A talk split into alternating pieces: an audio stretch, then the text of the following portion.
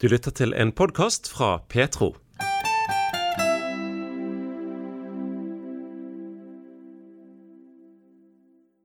Sammen med mannen Ståle leder Marianne Braseth ungdom i oppdragsbasen på Flekkerøy i Kristiansand. Tross travelhet setter Marianne av tid hver dag til å søke Jesus. Personlig er hun opptatt av det å tale sant om livet, og samtidig vise respekt for andre som kanskje tenker annerledes enn henne selv. I et intervju forteller hun hvilken erfaring det har gitt henne å være leder på basen siden år 2000. Noe av det som kanskje ligger meg aller mest på hjertet, det er å få lov til å være med og snakke sant om hvem Gud er. Um, han er så fascinerende og så stor. Så jeg tenker sånn, og min erfaring er at jo mer jeg ser av han, uh, jo mer blir jeg også satt fri til å være den jeg er skapt å være, og til å bli trygg i det han sier om meg. Så det å være med å formidle sannhet om hvem Gud er, uh, sånn at vi kan vokse i trygghet til å leve fri liv som uh, de Gud har skapt oss til å være, det er kanskje noe av det som ligger meg aller mest på hjertet sannhet og standard fra Guds ord som kan sette oss fri til å leve det livet Gud har kalt oss til. Nå prater du litt om sannhet. Hva da eh, ser du som den største løgn i dag? Den største løgn i dag, ja, det er jo litt av et spørsmål. Jeg tror at en ting som eh, er en stor misforståelse i den vestlige verden i dag, det er dette som handler om toleranse. At vi nesten opphøyer toleranse til den øverste Gud og at mennesker kan bli veldig steile mot det å stå for noe, og tenke at da er du ikke tolerant. Men toleranse betyr jo egentlig å tåle at noen mener noe annet enn deg selv. Så for å være tolerant, så må du egentlig stå for noe selv også. For hvis ikke du står for noe, så trenger du egentlig ikke toleranse. Så det å gi rom til sann toleranse For noen av de som kanskje snakker av og til høyest om toleranse, de kan være egentlig veldig intolerante. Men det å stå for noe selv, men også tåle at andre mener noe annet enn deg selv, uten at du går på kompromiss, uten at du på en måte skal utslette deg selv eller din egen standard. Det tenker jeg at eh, det er noe som vi kan vokse veldig, både i kristne rekker og i samfunnet generelt. Tørre å snakke sant om livet og snakke sant om den sannheten vi tror på, det vi står for, og samtidig ha respekt for de som mener noe annet enn oss selv. Det har gitt utrolig mye eh, erfaring det er jo et internasjonalt miljø, så vi jobber sammen med både stab og studenter fra mange forskjellige nasjoner. Vi har eh, feltarbeidere, misjonærer, som er ute i mange forskjellige land, og vi følger opp ulike prosjekter. Vi har fått lov til å reise og oppleve Misjonsmarka sammen som familie. Um, og det er veldig, veldig motiverende. Noe av det som kanskje motiverer meg aller mest, er å se uh, unge mennesker i alle aldre, holdt jeg på å si, uh, som tar valg i forhold til å stå opp for sannhet om hvem Gud er, og hvem de er selv, og omfavne det kallet som Gud har for livet deres. Og få lov til å heie på det, uh, og gå sammen med mennesker i viktige avgjørelser i livet, det er noe som jeg opplever veldig meningsfylt, og som motiverer meg veldig til å stå i tjeneste. Min største inspirasjon er i relasjonen min til Jesus. Eh, jeg bruker tid sammen med han hver dag, leser i Bibelen, ber. Jeg tror at det er kjempeviktig i vår tid, og at det er veldig mange som egentlig er bundet av uh, mange krav som samfunnet setter, mange krav som man kanskje setter til seg selv, uuttalte forventninger. Vi setter opp idealer for hvordan vi skal se ut og hvem vi skal være, som egentlig er helt urealistiske, og som ikke er ekte. Og det å da løfte fram Guds ord, Guds standard, det er noe jeg brenner veldig, veldig for. Den friheten som ligger i Guds ord. Det står jo det at vi skal kjenne sannheten, og sannheten skal sette oss fri. Så det å formidle eh, hva som er Guds tanker om den enkelte, hvilken verdi Gud gir oss, hvilke hvilket kall, hvilke drømmer han har for oss, det tror jeg er enda mer relevant og enda mer aktuelt enn noen gang, egentlig. Eh, og jeg tror det er noe som vi trenger alle sammen. Det vil sette oss fri til å leve det livet vi er skapt til.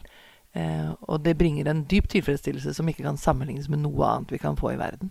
Det står en kamp om disse tingene, og det å komme sammen det tror jeg er en kjempefin ting. At vi kan styrke hverandre. Så det å søke fellesskap der hvor vi er, enten det er en annen person du kan møtes med, eller vi kan be sammen, lese Guds ord sammen, tale oppmuntring og tro på de større og mindre fellesskap, det tror jeg er kjempeviktig. Og så tror jeg det er helt avgjørende at vi lar Guds ord bygge et fundament i livet vårt. Det å bruke tid til å ta til oss, spise, eh, styrke oss selv og styrke hverandre med Guds ord. Eh, og det tenker jeg Det å være med å oppmuntre hverandre til å ta til oss føde og bygge sunne, eh, sunne, gode kristne liv, hvor Guds ord og Guds sannhet får plass, det tror jeg vil være med å bety en stor forskjell. Og det vil være med å definere verdien vår, hvem vi er, eh, og sette oss fri til å leve sånn som Gud hadde tenkt at vi skal. Det handler jo om hvordan vi velger å bruke den tiden vi har. Og selv så er jeg både mor og kone, og jeg er i jobb og tjeneste, så det er mange ting som fyller hverdagen min også.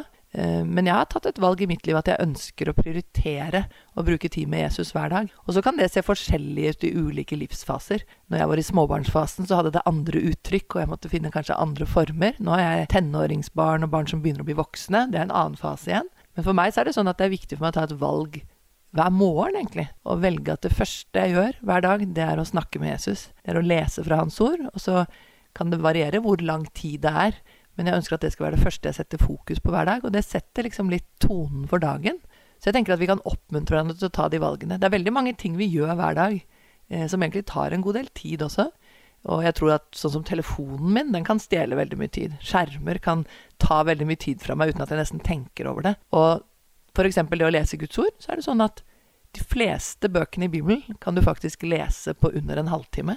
Og hvor lett er det ikke å bruke en halvtime på skjerm eller på en serie eller på noe vi ser på? Så kan vi velge et bevisst valg at nå skal jeg fylle meg med Guds ord istedenfor. Eh, og det er noe som betyr en mye mer ja, mye mer positiv forskjell da, for dagen vår og for livet vårt. Så jeg tenker det handler om å oppmuntre hverandre til å gjøre gode prioriteringer. Så hvordan ligger du opp din dag? Er det sånn at du planlegger hele dagen, så gir du på en måte tid til at Den hellige ånd kan endre på dine planer, eller hvordan gjør du?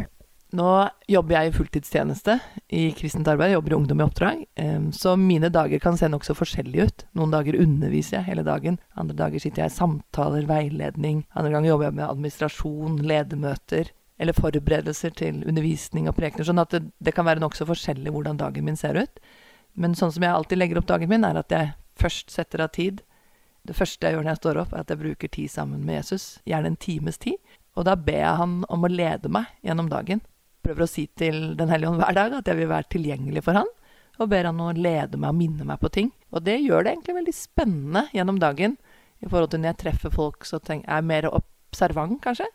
Mer eh, spørrende og åpen på det, Skal jeg bety noe for dette mennesket, Gud? Hva kan jeg si? Hvilke oppmuntringer kan jeg bringe? Eh, så at jeg på en måte er bevisst på åpne ørene mine og rette fokuset mitt mot Jesus. Og få være til velsignelse for han. Så jeg har jo ofte mange planer og avtaler og program gjennom dagen på jobb og i tjenesten, men jeg prøver å være lydhør for Gud eh, midt i de avtalene, midt i planer, midt i undervisningssituasjonen eller i samtale. At Den hellige ånd kan få komme med rettledning og tale til meg og minne meg på ting underveis i dagen. Så da, eh, da gir du på en måte plass til at, eh, at, Gud kan endre dine planer?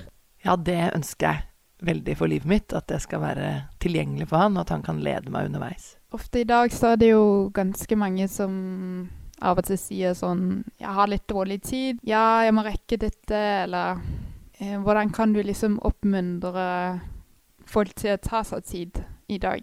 Jeg tror kanskje det er en av de største utfordringene vi har i samfunnet vårt i dag. At det er utrolig lett å bli travel, og det kjenner jeg på sjøl i mitt eget liv. Det er utrolig lett å alltid være på farten eller bli litt stressa av alt som skjer. Og jeg tror at det er en større utfordring i vår tid enn det var for 10 og 20 år siden. For det er så mye impulser, det er så mye som er tilgjengelig. Vi skal være på nett, det er en forventning om ja, å være tilgjengelig og på hele tiden. Så jeg tror at vi, at vi må minne hverandre på å tenke gjennom hva er det egentlig som er viktig for meg? Hva er det egentlig jeg ønsker å prioritere? Hva er det egentlig som gir meg liv? Hva er det egentlig som eh, ja, er til oppbyggelse?